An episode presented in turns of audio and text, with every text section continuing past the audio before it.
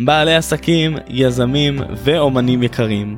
כאן איתמר חיון, מחבר הספרים mindset של אלופים, בונים עסק בקלות ושיטת פודקאסט ספר.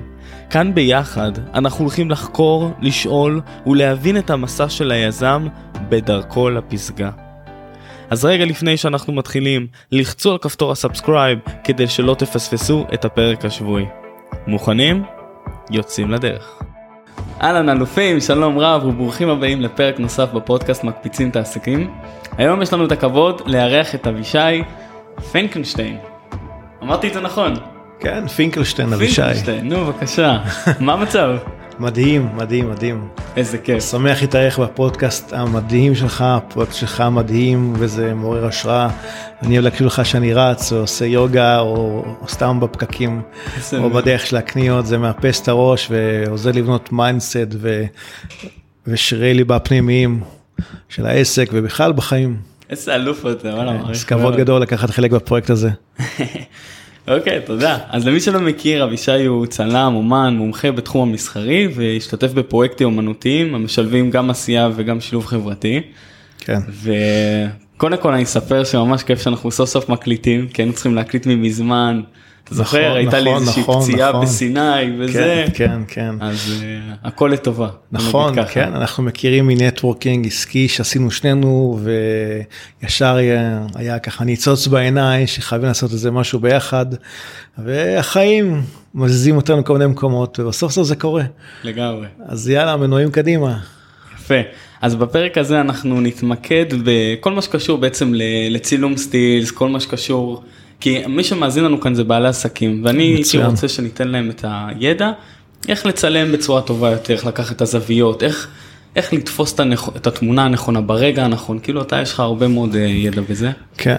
אז כמה מילים אה, עליי או על צילום, מאיפה כן, נתחיל? הייתי רוצה בכלל לשמוע מאיפה אתה התחלת את, ה... את הדרך שלך בעולם הזה. אז אני בעצם אה, מאוד, אני ילד שגדל בשנות ה-80 בראשון לציון, הישנה והטובה, שהייתה אז כל רובה פרדסים ורחובות הייתה אז העיר הגדולה.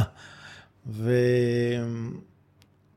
היה אז אינטרנט והיה ערוץ אחד, היה כבלים פיראטיים, ירדני שקלט והבין ערבית. אז רוב הזמן או ששיחקנו ברחוב, או סקייטבורד, או כדורגל, כדורסל, כדוריד, כדוריד חזק בראשון, או אנציקלופדיות, ואז הייתי יושב וקורא וקורא וקורא מלא מלא אנציקלופדיות, ואחרי זה מדבר על זה עם עוד כמה חנונים, וזה היה מעניין, ו... ואז uh, התחלתי להתלהב קצת מאומנות ומיצירה ולגו, כמו הרבה ילדים אחרים, ולאט לאט זה התפתח והשתכלל לרצון אה, לצייר ולרשום, ואני צייר ורשם גרוע, כאילו כל כך גרוע שזה פשוט אסור לתת לי עיפרון ביד, אבל אה, חייתי בלי שיפוט עצמי, אז... ואז גיליתי את המצלמה בטיולים השנתיים, ויום אחד חזרתי הביתה וההורים שלי עשו לי הפתעה, קוראים לי מצלמה מקצועית. out of the blue עם פילים והכל, כבדה כזאת, היא כסופה. ואמרו לי, "צא- צא לדרך. אף אחד לא יודע מה יקרה. כמה חודשים אחר כך פרצה שנת 1991, מלחמת המפרץ, וכולנו נכנסנו לחדר האטום. וזה לא משנה אם אבא שלך היה אביגדור קהלני, בני גנץ, אה, אהוד ברק, זה לא משנה, כולם ישבו בחדר אחד קטן עם סמרטוט תחת לדלת ומסקינטפ מטופש על על החלונות, צפו ב-CNN ובעולם הערב והאזינו לנחמן שי, כאילו זה דברי משה רבנו להר סיני. במקביל הייתה גם עלייה של עולים מאתיופיה ומברית המועצות לשעבר. היו פה אה, חיילים אמריקנים מהמרינס, גבוהים כאלו, וואו. אתלטים ענקיים, המדים המגניבים שלהם והנעלי צבא, מה שראינו בסרטים של רמבו וקומנדו של ארנולד שוורצנגר. זאת אומרת, לפעמים אני חושב על זה, זה עושר תרבותי בבת אחת נחשפנו אליו מצד אחד, לעומת שני הצמצום המטורף הזה של החדר האטום הזה. כל הפיזות הזאת הרי לקחה חודשיים, בזמן הזה הייתי בתנועת נוער בשומר הצעיר, ולא היה כמובן בית ספר. הייתי נפגש עם החבר'ה של הבית ספר ושל ה... הייתי נפגש עם החברים מהבית ספר, מהכיתה, ועם החבר'ה של השומר הצעיר, ואת כולם הייתי מצלם. וזה היה סיטואציות נורא מצחיקות, כי מה לעשות, ילדים מצחיקים היינו אז, אז זה היה לחבוש מסכת אב"ח ולהריח פרח, או בן ובת חובשים מסכת אב"ח ומנסים מנסים, אה, להתנשק, או היה איזה מישהו שהנדס את המסכת אב"ח לעשן את הסיגרת נובלס, סיטואציות אה, מצחיקות של ילדות תמימה. ואיך שהסתיימה המלחמה וחזרנו ללימודים ולהתחיל את הבגרויות הראשונות של כיתה י"א, אמרתי לעצמי, אין לי כוח לזה, יאללה, בא לי להיות צלם. וכשכולם הוציאו רישיון נהיגה, אני הלכתי ולמדתי צילום אצל מורה לצילום, בסטודיו לצילום, עם דוגמניות ופיתוח בחדר חושך. והתחלתי להבין שיש לי את זה, ושאני אוהב את זה, ושצילום זה מדיום, שאני יכול דרכו להביע את העולם הפנימי שלי. מצד אחד, מצד שני, כן, לצלם את כל החתיכות והיפות של השומר הצעיר והשכבה, לעשות להם מיני בוקים, ואחרי זה כולם התגייסו, אז הם ככה גילחו את השיער הארוך שלהם בחולות של ראשון לציון, גם את זה צילמתי. ו... וזהו, זה היה נחמד מאוד, ועזבתי את זה, התגייסנו לצבא, הסיפור הרגיל של הצבא. אמ, כשהגיע הזמן לבחור קריירה אחרי הצבא, אמ, התחלתי ללמוד בבית ספר צילום מאוד מאוד גדול בתל אביב, ולא התחבאתי ככה תכנים. טסתי, עשיתי טיול נורא נחמד באירופה, לונדון, אמסטרדם, פריז, והתחלתי לראות שצילום משנה את הפנים שלו, הוא נהיה הרבה יותר חי וצבעוני. זה היה מהפכת הדפוס הדיגיטלי והמקינטושים. עד אז העולם היה פשוט שחור לבן. במיוחד כל העיתונים בישראל, אולי חוץ מעיתון חדשות, הכל היה שחור לבן. ולא היה בכלל צבע, אף אחד לא יודע בכלל מה זה צבע. רק בבחירות, אתה יודע, ראינו צבעים כחול לבן זה הליכוד, אדום זה המערך או מפ"ם או מה שהיה אז. וזהו, זה כל הצבע שהיה כמעט אז. ובפרסומות של קוקה קולה היה צבע וזהו. ופתאום התחילה מהפכת הדפוס הדיגיטלית והבנתי שקורה פה משהו הרבה יותר גדול. ובעצת חברה מהשומר הצעיר אמר לי, לך תלמד מקצוע חדש, קוראים לזה עיצוב תקשורת חזותית. זה גם צילום וגם קולנוע וגם קריאייטיב וגם רישום וגם הרבה קופי רייטינג וחשיבה אסטרטגית ותלמד לעשות קמפיינים ואני זהו כבר הת, הת, התאהבתי בזה. אז התחלתי לבנות את התיק עבודות שלי וניגשתי למבחנים, באמת התקבעתי למכללת אסכולה שהייתה אז בלב תל אביב. ולמדתי שם שלוש שנים והתנסיתי בכל המקצועות האלו ופשוט עפתי על החיים. זה היה סוף שנות התשעים. גרתי אז בחוב מלצ'ט, פינת שנקין, והחיים היו אז אה, אוטוטו שלום עולמי, אוטוטו מתחלף המילניום, החיים היו אז יפים ונפלאים וצבעונים מאוד. אה, עם תום הלימודים שלי טסתי לניו יורק, ושם בעצם התחלתי לראות את העולם הגדול ולהתנסות קצת יותר בעבודה עם השוק הגדול, להרגיש את הדופק של מה שקורה בעולם. באתי עם אה, פסאדה של אה, מעצב, וכמובן לא הייתי מעצב, סך הכל סיימתי לימודים שלי, ומהר מאוד ניו יורק מאפסת אותך מהר מאוד, מחזירה אותך לגודל הנורמלי שלך מהר מאוד, מצד שני גם מאפשרת לך את החלום האמריקני, כלומר, תמיד יש שם את האמביציה, בכל מקום יש אמביציה. אה, כעבור זמן מסוים חזרתי לארץ והתחלתי לעבוד כמעצב גרפי. לא אהבתי את זה, אהבתי במשרד, עבדתי במשרדי פרסום, שם פגשתי את אשתי, ולא אהבתי תמיד, לא אהבתי את העבודה הזאת של המשרד פרסום והעיצוב הגרפי. הרגשתי שאומנם אני עושה, עוסק בהרבה מאוד תחומים ואומר לכולם מה לעשות, או וזה, אבל זה לא היה זה. ואז עוד פעם מלחמה, במלחמת העולם השנייה, בקיץ 2006. ופעם ראשונה דיברו על טילים על תל אביב, ולא דיברו על טילים על תל אביב מאז 1973. ואז ישבתי בדירה שלנו בשדרות רוטשילד, ואמרתי, וואו, הם זורקים טילים על תל אביב, וצריך עכשיו לרוץ למה... למקלט פה למטה ברחוב. מה אני לוקח איתי? את המקינטוש, כבד מדי. את הפלטה של הדי-ג'יי עם התקליטים, אין סיכוי. רק את המצלמה ואת הפילימים. מי יתעד את כל זה? ואז אמרתי לעצמי, וואו, אחי, זה... בוא, בוא נעשה הסבת מקצוע. ואז במשך שנתיים למדתי את המקצוע של הצילום המסחרי ממש from scratch, מלמטה. ומכיוון שהיה לי ידע מאוד מאוד חזק בתחום העיצוב הגרפי ועבודה עם פוטושופ ותוכנות גרפיות, יכולתי להגיע למצ... לצלמים המסחריים הכי גדולים שהיו דאז ולהציע להם את השירותים שלי בתמורה לברטר. וככה בעצם למדתי איך להציב תאורה ואיך לבנות קומפוזיציות ואיך אה, לגרום לצילום לקפוץ החוצה ולא להישאר כמו משהו נחמד, יפה, אסתטי, לתלות על המקרר או מעל המיטה בסלון. והשיתוף פעולה החזק ביותר שלי היה עם שני צלמים שהם אנשים מדהימים, שזה אלדד רפאלי ואייל לנצמן, שהיה, יש לנו שיתוף, שיתוף פעולה וקשר מאוד מאוד מיוחד עם שני האנשים האלו שמאוד מאוד השפיעו לי, השפיעו עליי ביחד ולחוד.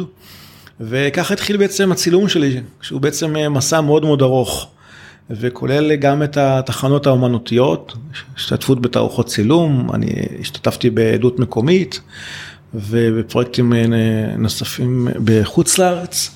וגם את ה... שמע, צריך להביא פרנסה הביתה, אני כבר איש נשוי, אבא לזוהר, שתהיה בריאה, רק נולדה אז. והחרב הזאת של ה-show me the money היא מעל הראש שלך כל הזמן. אז uh, אתה עושה קצת זה, קצת זה, קצת זה, קצת זה, קצת זה, ולאט לאט הבנתי מה אני ממש רוצה לעשות. וזה לא לעבוד עם דוגמניות, אלא כן לעבוד עם עולם התיאטרון ועם פרפורמרים ועם מעצבים, שזה בעצם אנשים כמוני שלמדו עיצוב, למדו אמנות, וחלקם למדו, עוסקים בתנועה. אני משנת 2000 כל יום מתרגל יוגה 40 דקות. והצילום שלי מאוד מאוד מושפע משפת גוף, מבody language, גם של בניינים, גם של מוצרים, גם של מאכלים, גם של מנהלים שאני מצלם, הכל בעצם זה פועל סביב שפת גוף, אבל נגיע לזה בהמשך. ולאט לאט אה, עשיתי תערוכה שקראת לה In and Out וצילמתי, זה היה בשנת 2007, תערוכת צילום שהנושא שלה היה חדרי המדרגות של העיר הלבנה. ואז לאט לאט התחלתי לצייר אדריכלות בצורה שהיא מתעדת את החדר מדרגות, שלכאורה כאילו, מה זה בכלל לעזאזל, את מי זה מעניין חדר מדרגות. אבל חדרי המדרגות של הסגנון הבינלאומי יש בהם קסם, יש בהם אופי, הם הביאו משהו מאירופה, דברים שראיתי באמסטרדם ובלונדון ובפריז ובברצלונה ובגרמניה.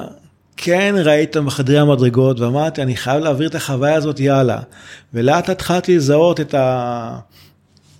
את הקסם של, של, של האדריכלים והמתכננים, איך הם התלהבו מהשמש הים תיכונית, העובי של הקירות, איך הם תכננו את החוויה של המשתמש בתוך החלל הזה, כמה מדרגות יהיו, מה יהיה הגובה שלהם, היא תהיה ידית, איזה חומר, יהיה לה קישוט, לא יהיה לה קישוט, היא תהיה גיאומטרית, תהיה מסולסלת, ו...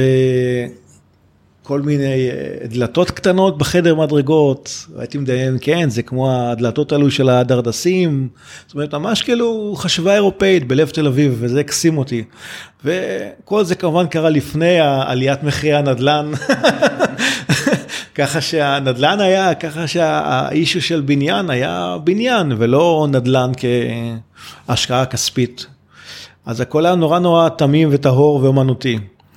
לפחות בחוויה שלי. באמת התערוכה הייתה נורא מוצלחת והייתה מאוד מיוחדת כי אף אחד כמעט לא הסתכל על זה, על, על חדרי מדרגות בצורה כזאת. וכל העבודות נמכרו והגיעו לכל מיני אוספים של כל מיני אנשים מאוד מאוד אה, מכובדים. ולאט לאט התחלתי לבנות את השם שלי.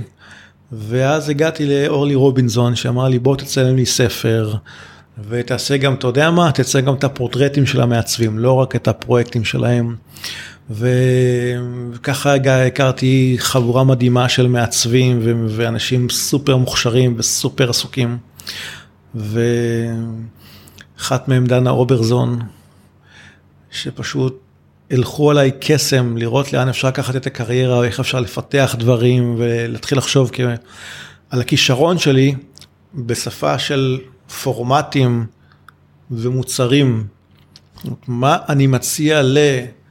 חברה, לאדם, מה אני מציע למעצבת פנים, מה אני מציע לחברת סטארט-אפ, איזה שירות, מה הבידול שלי, באיזה כלים אני משתמש, איזה ערך אני נותן ללקוחות שלי. ומשם חטפו אותי ידיעות תקשורת והיה לי מדור אה, צילום עיצוב פנים במגזין גו סטייל ואחרי זה אקסנט, ואז uh, באתר מאקו ליבינג של שידורי קשת, וקצת הארץ, וקצת בעניין ודיור, ודברים התחילו לרוץ, וזה היה נורא מעניין. ומאוד מאוד אינטנסיבי, כי זה ימים מאוד מאוד ארוכים של הפקות, ולעבודה עם סטייליסטים ומעצבים, והאורחים, ואתה צריך להיות עם חוסן נפשי מאוד מאוד חזק בתוך הסיטואציה הזאתי. ומאוד מאוד רגוע וקר רוח ושירותי וענייני, וכמובן לשמור על המקצועיות שלך ועל הבטיחות שאף מצלמה לא תיפול או פלאש פתאום מתרסק. כשיש הרבה אנשים תקלות קורות. ובאותו זמן גם עבדתי עם משרדי פרסום גדולים, ציימתי קמפיינים, באותם שנים היו עוטפים בניינים עם פרסומות, אם זה בכיכר רבין או אם זה על דרך איילון, זה היה לפני שהגיעו מסכי הלד. אז ממש היו מדפיסים על בדים או, או שמשוניות, מה שזה לא היה, שלטים עצומים, והיו פשוט עוטפים איתם את הבניינים בדרך האלון, וזה היה עצום, יכולתי לנסוע ולהגיד לאבא שלי, אה, תסתכל ימינה, אתה תראה אותי אחרי בין לגווארדיה לשלום.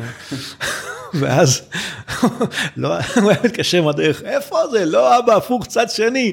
אה, השמש מסתירה לי אחר כך.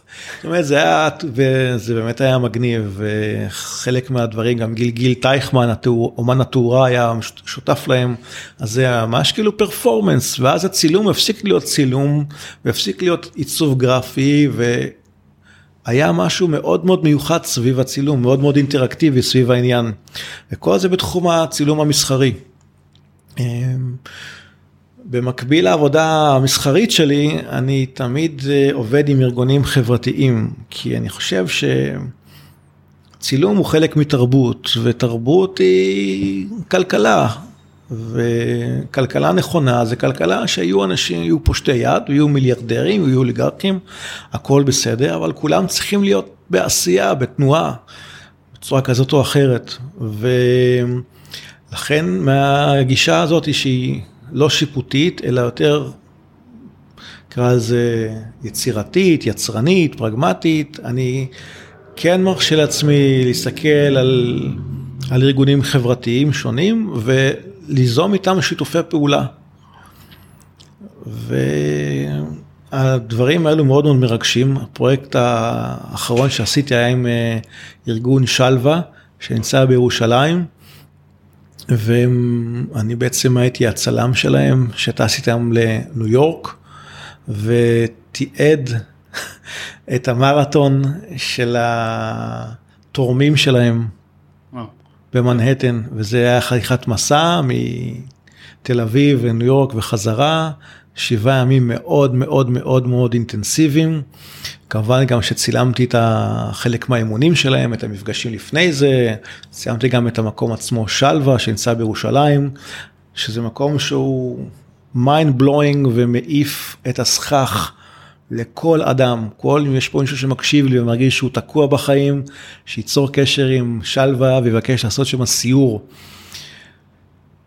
זה פשוט מפעל לשיקום שהוא כולו חינמי. מגיעים לשם הורים עם ילד שיש לו, אה, שסובל מנכויות כאלה ואחרות, והאנשים של שלווה מתאימים לו טיפול חינם אין כסף.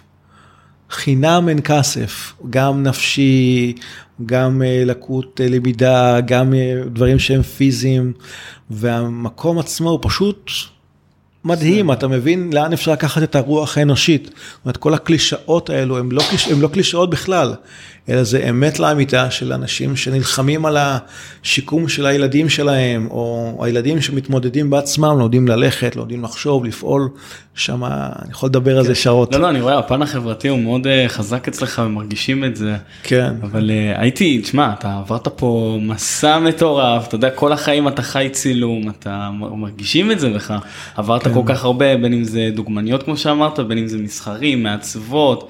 ראית באמת, טעמת מהכל, אתה כן, יודע נכון, למקד את עצמך. נכון, אני אדם מאוד מאוד צבעוני ואוהב הרבה מאוד דברים, ולמרות שאני מאוד אוהב אדריכלות ועיצוב, אני לא מצלם רק אדריכלות ועיצוב, אלא מצלם גם דברים נוספים, נניח צילום אה, פרוטרטים למטרות מסחריות. אה, צילומים של אה, מוצרי, מוצגי אומנות לתערוכות או לאוספים, אני כן מרחיב את היריעה כמה שאפשר כדי להגיע ליום צילום של אדריכלות ועיצוב פנים, אז כן להגיע עם מטען תרבותי רחב, mm-hmm. כן לפגוש את המעצבת או את האדריכל, כאדם בעל השראה, ואת ההשראה הענקית הזאת לתרום לצרכים של העסק. בסופו של דבר, עם כל ההוא-הא, אני תופס עצמי כסרוויסמן. כמו שאמר בוב דילן, we all got to serve somebody, לא משנה מה אתה ומי אתה, כולנו משרתים. אז אנחנו, אני סרוויסמן, שנותן שירותי צילום, ועוזר לעסקים להרוויח יותר. נורא פשוט. לגמרי. נורא פשוט. אז, אז מהניסיון שלך הייתי רוצה לשמוע את הסודות הקטנים האלו שגילית כדי ליצור איכשהו לתפוס את הרגע או ליצור את התמונה המושלמת בעיניך. כן. ובכן, אנחנו חיים בעידן ויזואלי, ולכולנו יש את האינטרנט, את הטיק טוק, את האינסטגרם, את כל הערוצים האלו, וכולנו בעצם צלמים ומפיקים וצלמי וידאו ומקליטים ועורכי סאונד אם נרצה או לא נרצה. אני רואה את הילדות שלי שובריות עובדות עם הדברים האלו ואומר לעצמי איפה אנחנו שנות התשעים היינו גוזרים פונטים טרט מקלידות והופכות ומוסיפות חדי קרן וגרדיאנטים. ו... בקיצור כולנו צלמים, אם נרצה או לא נרצה, ויש כמה דברים שאנחנו צריכים לזכור, נניח כשאנחנו מצלמים סלפי, להקפיד על אור נעים ששוטף את הפנים שלנו, ולצלם מזווית מלמעלה למטה. מה לעשות, אנחנו כבר לא ילדים, יש לנו כבר עיגולים שחורים סביב העיניים, הסנטר קצת אה, פוגש את אייזיק ניוטון, קורים דברים. קורים דברים, הגבות מלבינות, אה, שערות צומחות במקומות שלא תכננו, קורים דברים. אז באמת אה, להקפיד גם על תאורה רכה ומחמיאה, וגם אה, לא להתבייש ולהיכנס לאיזה חדר ולהתאמן על זה. כי כולנו צריכים לייצר היום, כולנו, הכוונה בעלי העסקים הקטנים, צריכים לייצר היום סלפי ותנועה דיגיטלית, אני אקרא לזה. אני פוגש את אה, איתמר, אני טס לניו יורק, אני מתראיין, אני קונה, אני מצלם, מה לעשות. זה חוקי המשחק היום, ואנחנו צריכים לשחק אותם. כל אחד כמובן בשפה שלו. ודבר מאוד חשוב זה באמת אה, לזכור שצילום זה מסע. ולא משנה, אתה צלם של national geographic, אתה צלם של אה, דונלד טראמפ, אתה צלם אוכל, את. אוהבת אוכל, זה לא מעניין, בשביל להגיע לפריים המושלם צריך פשוט להתאמן ולהתמיד, להתאמן ולהתמיד, לשמוע פודקאסטים, לראות הרצאות ביוטיוב, כולם זה אמצעים חינמים, כבר לא צריך לשלם היום על פילים ועל מעבדה ועל פיתוח. ממש לא. הכל היום אמצעים הם כשרים והם חינמים לגמרי. רק צריך לרצות ולהתמיד בזה. איזה יופי, וכשאתה אומר שכל צילום הוא מסע, אז ישר עולה לי, כלומר, איך אתה מעביר עכשיו בתמונה את הסיפור, או את, ה, את, ה, את הסיפור, את המסע הזה מאחורי התמונה, כלומר, שמבינים תוך כדי התמונה את כל התמונה המלאה. אחד הדברים הראשונים שאתה לומד בעיצוב זה את הביטוי גריד. עכשיו grid אנחנו מכירים grid מאינסטגרם ברור כולנו יודעים היום מה זה grid אבל grid זה בעצם לבנות קומפוזיציה זה בעצם לבנות אסטרטגיה שמכילה storytelling בין אם זה במודעות שלנו ובין אם לא. אם אני קוסמטיקאית אז ה storytelling שלי זה צילומי לפני אחרי. אם אני עושה לק ג'ל, אז יש לי פה גם כן אותו סיפור, לפני, אחרי, באמצע. אנחנו כן צריכים לבנות את הקומפוזיציות בצורה שמעבירות את הסיפור, שמבליט את, את הערכים של העסק, את הבידול של השירות שלנו, אה, בצורה שהיא אסתטית מהירה וקליטה וגם זכירה, שיזכרו את מה שאתם מצלמים. נורא נורא נורא חשוב, נכון. אל תהיו. כמו כולם. ו... אני זוכר כמה היית מדגיש לי על זה שהייתי בא אז עם המקל הזה הנחושת של נכון, החשמל אתה נכון, זוכר אמרת לי ישר זה נכון אז כן. כמו שציינתי איתמר ואני הכרנו ב networking עסקי networking עסקי זה מעגל של בעלי עסקים קטנים או בינוניים שכל אחד בעצם בא ומספר על העסק שלו במשך בין 30 שניות לכמה דקות תלוי בפורמט. ו... אנשים שבאמת באים ומביאים איתם אובייקט שקשור לעולם התוכן של העסק שלהם, זה משהו שהוא זכיר, אנשים זוכ, זוכרים אתכם אחר כך, וכשמחפשים את בעל המקצוע הרלוונטי, קל להיזכר בו. אה, זה ההוא שהביא כיסא, זה ההוא שהביא בריקים, אה, הייתה שם איזו אישה נורא נחמדה שעשתה מסאז'ים לכולם. סתם אני זורק מדהים כן, כן, דוגמאות. כן. אבל כן, אני מאוד מאוד מאמין בנטוורק העסקי. אני חושב שבעלי עסקים קטנים במאה ה-21, חשוב מאוד להיות בסיסטם, במערכת, במסגרת, שבהם אתם גם תורמים וגם נתרמים. וההפניות העסקיות מגיעות כתוצאה מהמערכות ארוכות הטווח שאתם שוקדים עליהן ובונים אותן. כי עסקים היום זה לא רק עבודה עם חברות גדולות, אלא גם בין עסקים קטנים, יש המון המון המון כסף על הרצפה. המון המון המון כסף על הרצפה, שאפשר לאסוף אותו ובעצם לתת ערך לעסקים קטנים. ויש בזה אושר גדול מאוד גם לנפש וגם, ל... וגם לחשבון הבנק. לגמרי, כן. לגמרי. אז עסקים קטנים, אנשים שהם one man show באמת מאזינים לנו עכשיו מכל הסוגים, אם זה מטפלים או מאמנים או גם קבלנים וגם מעצבים ובאמת אה, מבחר רחב. הם רוצים, אני רוצה לרדת עוד קצת פנימה, הם רוצים ממש אה, לצלם בצורה הטובה ביותר, בוא ניקח לדוגמה אפילו צילומי תדמית. הם רוצים ברגע שמצלמים אותם, ש... שהם יוכלו להעביר את, ה, את הסיפור שלהם, ש, שהבידול שלהם, כמו שאמרנו, יצא החוצה, אותנטיות, אה, אולי אתה תעזור לי פה עם הניסוח של המילה, כן. אבל כאילו איך, איך שבאמת אה, הם יהיו שונים מכל השאר באמצעות התמונה שלהם. תראה, בשיווק, השיטה האמריקאית אומרת שיש כמה שאלות שבעל עסק או יזם או קבוצה שיש לה יזמות צריכה לשאול את עצמה, וזה שאלות ה-W, הוא, מי, what, אוקיי? מה אנחנו עושים, מה, מה אני נותן, how I doing it, או where I do it, אם יש פה עניין של לוקיישן, נניח אה, כיכר רבין, אם הלוקיישן פה הוא חשוב לשירות שלי. Mm. אז יש פה באמת את השאלות W שכל עסק וכל יזם חייב לשאול אותם. ומתוך זה הוא צריך להגדיר את התעודת זהות mm-hmm. של היוזמה שלו. מי אני, מה אני נותן, מה מיוחד בי, איך אני עושה את זה, למי אני עושה את זה. ופשוט לשבת ולכתוב כמו ילד בכיתה ג', מחברת שורות, שכותבים עם היד ועט או עיפרון על מחברת זוכרים יותר טוב.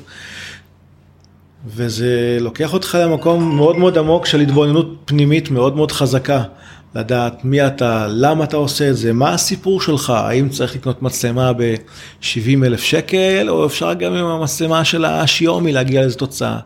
אז כן. אני אעזור לכם, אפשר להגיע לתוצאה מרהיבה עם טלפונים סינים פשוטים. הדבר הראשון שצריך להקפיד עליו זה קודם כל להבין מה הסיפור שאני רוצה לספר, מה מיוחד בעסק שאני בניתי, מה מיוחד ביזמות שלנו, ואז לקחת חתיכת נייר או רך או מגבון ושתנקות את העדשות של המצלמה של הטלפון הסולארי שלכם. להגיע לחדר שהוא מוצף באור, עדיף אור שמש רך או אור אה, רך של איזה ניאון, ופשוט להצטלם על רקע חלק. יש היום תוכנות חינמיות ובתשלום, שהן אה, משלבות AI וגרפיקה. וגם בחינם וגם בתשלום אה, נורא נורא נמוך, אפשר להגיע לתוצאות אה, מאוד מאוד טובות, שיכולות אה, לעשות קמפיין ויראלי שכל אחד יכול להרשות לעצמו. איזה יופי, נתת פה טיפ כל כך חשוב שבאמת לפני שבכלל מצלמים את התמונה, גם בעל העסק הקטן לעשות רגע את העבודה הזאת של לשאול את השאלות. עבודה פנימית. עבודה פנימית, ומשם להבין גם איזה פריים יהיה, כי נכון, אנחנו... נכון. משדרים משהו אז או שנעשה את זה ברבין שזה משהו קצת יותר פוליטי ולכיוון הזה או שאנחנו משדרים משהו שהוא יותר עסקי אז הוא יהיה במקום אחר לגמרי. נכון נכון ניטרלי יותר. תראה כולנו רואים היום בכל יום אנחנו רואים מאות אם לא מאות אלפי תמונות ודימויים. זאת אומרת בבק אופיס של המוח שלנו אנחנו כבר יודעים איך יראה האתר איך יראה המיתוג איך יראה התמחור אנחנו כבר יודעים הכל. והעבודה הזאת של לשבת ולכתוב את השאלות W האלו, ממש לכתוב הוא וכמה שורות או עמוד, what, כמה שורות או עמוד, זה מאוד מאוד מחדד אותנו.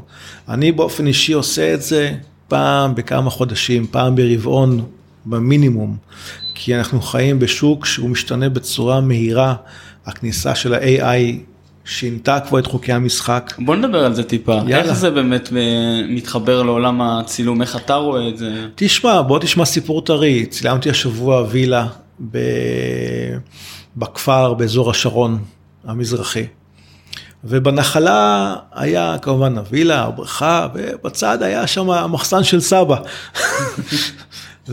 ואיך שלא צילמתי את זה, על מה שלא, איך שלא ניסיתי, המחסן של סבא נכנס לפריימינג, והאדריכלית הייתה ממש מבואסת מזה. ואמרתי לה, יש לנו היום AI בפוטושופ, אל תדאגי. באמת אה, לא התעצלתי, חזרתי בסוף היום הצילום הביתה ופשוט אה, הפעלתי את הקסם של ה-AI שהעלים לגמרי את המחסן של סבא וסגר את הדלת של המזווה ועשה עוד הרבה מאוד דברים שפעם היו, היית, היינו צריכים לעבוד על זה בסטודיו הרבה מאוד שעות, שעות, היום זה קורה בכמה דקות. בצורה שהיא מרהיבה והיא היפר ריאליסטית ואף אחד בכלל לא שם לב שהיה שם פעם איזה מחסן או שחסרה שם הדלת. והכל נמצא בפוטושופ או בתוכנות אחרות שהן אה, חינמיות. רק צריך לחפש.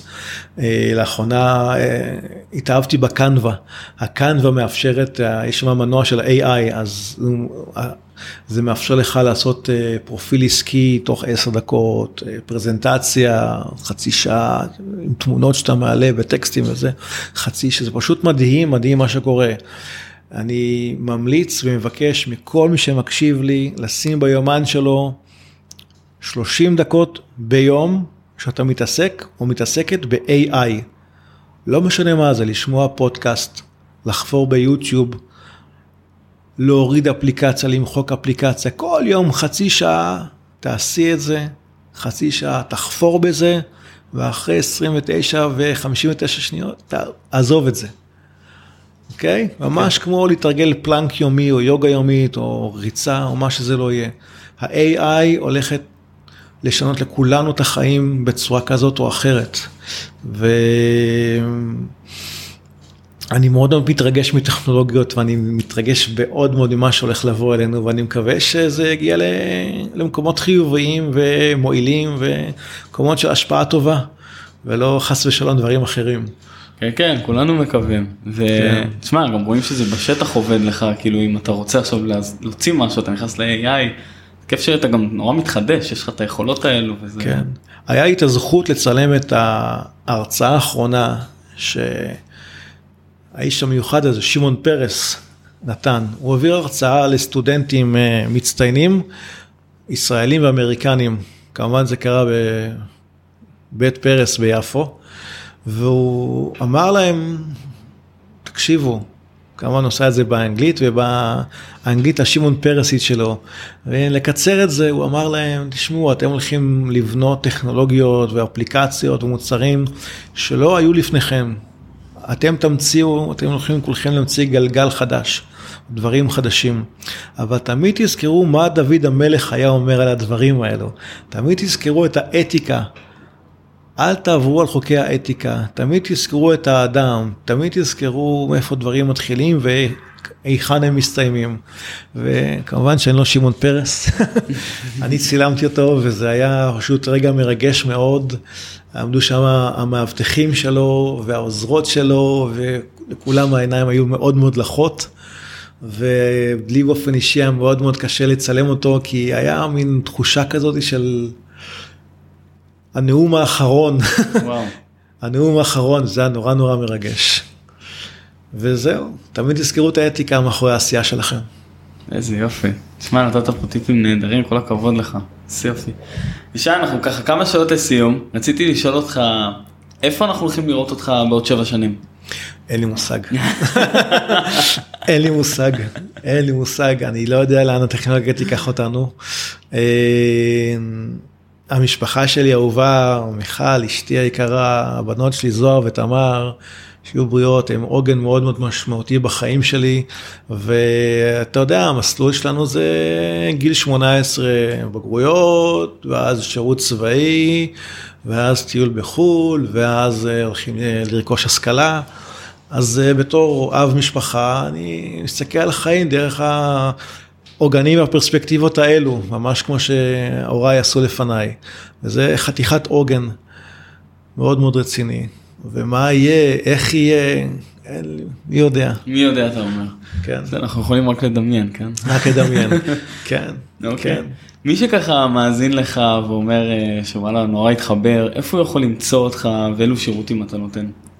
אז השירותים שלי הם אה, בתחום הצילום המסחרי, ההתמחות הגדולה שלי היא כמובן בצילומי אה, אדריכלות ופרויקטים ותשתיות ועיצוב פנים, ולצד זה אני עובד עם חברות אה, מתעשיות שונות, אם זה הייטק, תרופות, לצילום מוצרים, לצילום שירותים, לצילום תדמית, צילום של מנהלים ועובדים, צילומים של תדמית מעסיק. אתה יודע שעסקים צריכים למכור את עצמם כדי שחבר'ה צעירים ומבריקים יבחרו בהם ויבואו אליהם לרעיון עבודה. ואז הם צריכים לייצר תדמית מעסיק. שזה cutting edge היום בעולם ה-HR, איך לגרום לחבר'ה המבריקים להגיע אלינו לתפקידים שאנחנו רוצים אותם. אז הם מביאים צלמים ובימאים ופשוט עושים לעסק עצמו פרסומת. אוקיי? לא למוצר, לא לשירות, כן, אלא לעסק עצמו. וככה הם דגים את הדגים שהם רוצים אה, לבריכה שלהם. ופה אני נכנס לתמונה. אנחנו יושבים ומבינים את ה-ID, את הזהות של החברה, מבינים את הצרכים שלהם, בוחרים איפה עושים את זה, מי עושים את זה, כמובן שהעובדים והמנהלים הם הפרזנטורים. לא צריך להביא את יובל סמו, או לא צריך להביא את ציפי שביט, לא צריך להביא את נירו, כן. לא צריך להביא אותם, לא, צריך להביא את שושי מהנהלת חשבונות, נכון. את אילן מהאבטחה, אוקיי, צריך להביא את האנשים האמיתיים, והם מביאים את הערך המוסף שלהם. וכמובן שבכל ארגון יש אנשים תיאטרליים יותר, ויש מישהו שעושה ריקודי עם, ומישהי שהיא עושה פילאטיס, אנשים רק רוצים שיצלמו אותם. ולאחר אה, פגישות הפקה שמתכננים בהם תקציב ויעדים ולוחות זמנים, יוצאים לדרך של יום צילומים של אה, מיתוג מעסיק, זה הנאה ענקית. מיתוג מעסיק בעצם מדבר בשפה אוניברסלית. אה, פונה גם לאנשים ממקומות אחרים, מתרבויות אחרות, להבין שהחברה שלך היא החברה, או העסק של החברה, או העסק, הוא המקום הכי הכי נכון ומדויק עבורו. להגיש בו בקשה לרעיון עבודה. זה מדליק. וזהו, לצד העבודה המסחרית אני גם עוסק בפרויקטים חברתיים ואני תמיד מחפש ארגונים חברתיים, אה, לתת להם אה, כמה ימי צילום פרו בונו בשנה וגם אה, לעשות להם צילומי תדמית, להראות את הבידול ואת הייחוד שלהם, את התרומה המיוחדת שלהם לעולם. ועבדתי כמעט עכשיו עם כל סוגי האוכלוסיות, ועם אהבה ושליחות גדולה ועצומה לחברה הישראלית. אני מאוד מאוד ציוני, אני מאוד מאוד קם בבוקר ואומר, וואו, בואנה, זה פשוט לא יאמן, זה מעל למתמטיקה מה שקורה פה. זה פשוט מדהים מה שקורה פה, באו אנשים מארבע קצוות עולם והקימו חלום הלכו עם היזמויות עד הסוף, וזה פשוט מדהים ומרגש. ואנחנו חייבים לשמור ולשמר על זה. והפסוק ואהבת לך כמוך, זה פסוק שאני אומר אותו כל יום. חלק מעמוד השדרה של העסק שלי, זה התחזוקה הקבועה של גם להתעסק בתנועה, לרוץ, לשחות, קצת להרים משקולות, לתרגל יוגה, פילאטיס, אני אפילו הולך לשיעורי עיצוב. כמה שאפשר לשמור על, ה, על הגוף במצב טוב, סך הכל אני עובד עם הגוף. ועל ידי זה שאתה, אני מרגיש שעל ידי זה שאני עושה מאמצים פיזיולוגיים, אני בעצם משיל כל מיני מחשבות לא נעימות, ורגשות, ורגשנות, כאילו, זה כאילו נושר ממני בזמן שאני רץ או שוחה. וזה מקסים. אה, דבר נוסף זה כן ללמוד, לתחזק את הצד, את הקשר שלנו עם הפנימיות שלנו, עם הנשמה שלנו. אז אה, כל אחד כמובן בדרך שלו, בשפה שלו, אם זה בחור. אני באופן אישי מצאתי אנשים שאני לומד אצלם תורה, ואני עושה את זה כמה שנים, ואין בזה שום דבר מיסיונרי, יש בזה משהו שהוא מאוד מאוד מחדד את המוח, מחדד את המחשבה. אנחנו יהודים והמסורת האינטליג... האינטלקטואלית שלנו היא, היא עצומה. ומה שאנחנו רואים בתשקורת, בתקשורת, זה, זה לא שהתורה והדת לא שייכים לדתיים, האמונה לא שייכת לי, לך, למורה לתנ"ך, ממש לא, ממש לא. התורה, האדירה שלנו, ארון הספרים היהודי פתוח לכל אחד שצריך לפתוח את הדלת, לשלוף איזה ספר ולהתחיל לקרוא ולמצוא את עצמו בפנים. זה מסע מרגש שנותן לי הרבה מאוד אה, השראה ושם את הכל בפרספקטיבה נכונה. לא להיות, אה, לזכור שהכל בר חלוף. וואו, לגמרי. תשמע, ענק, כל הכבוד לך, תודה רבה. אתה נתת פה הרבה מאוד בפרק הזה. אה, ונראה לי אנחנו גם נעקוב, בוא נראה, אנחנו גם נעשה עוד דברים כאן ביחד. חפשו אותי באינסטגרם. לגמרי. אבישי פינקלשטיין. אז ישי, תודה, מעריכים את זה מאוד. תודה רבה. תודה רבה שהאזנתם לזה, ואנחנו אה, נתראה בפרק הבא.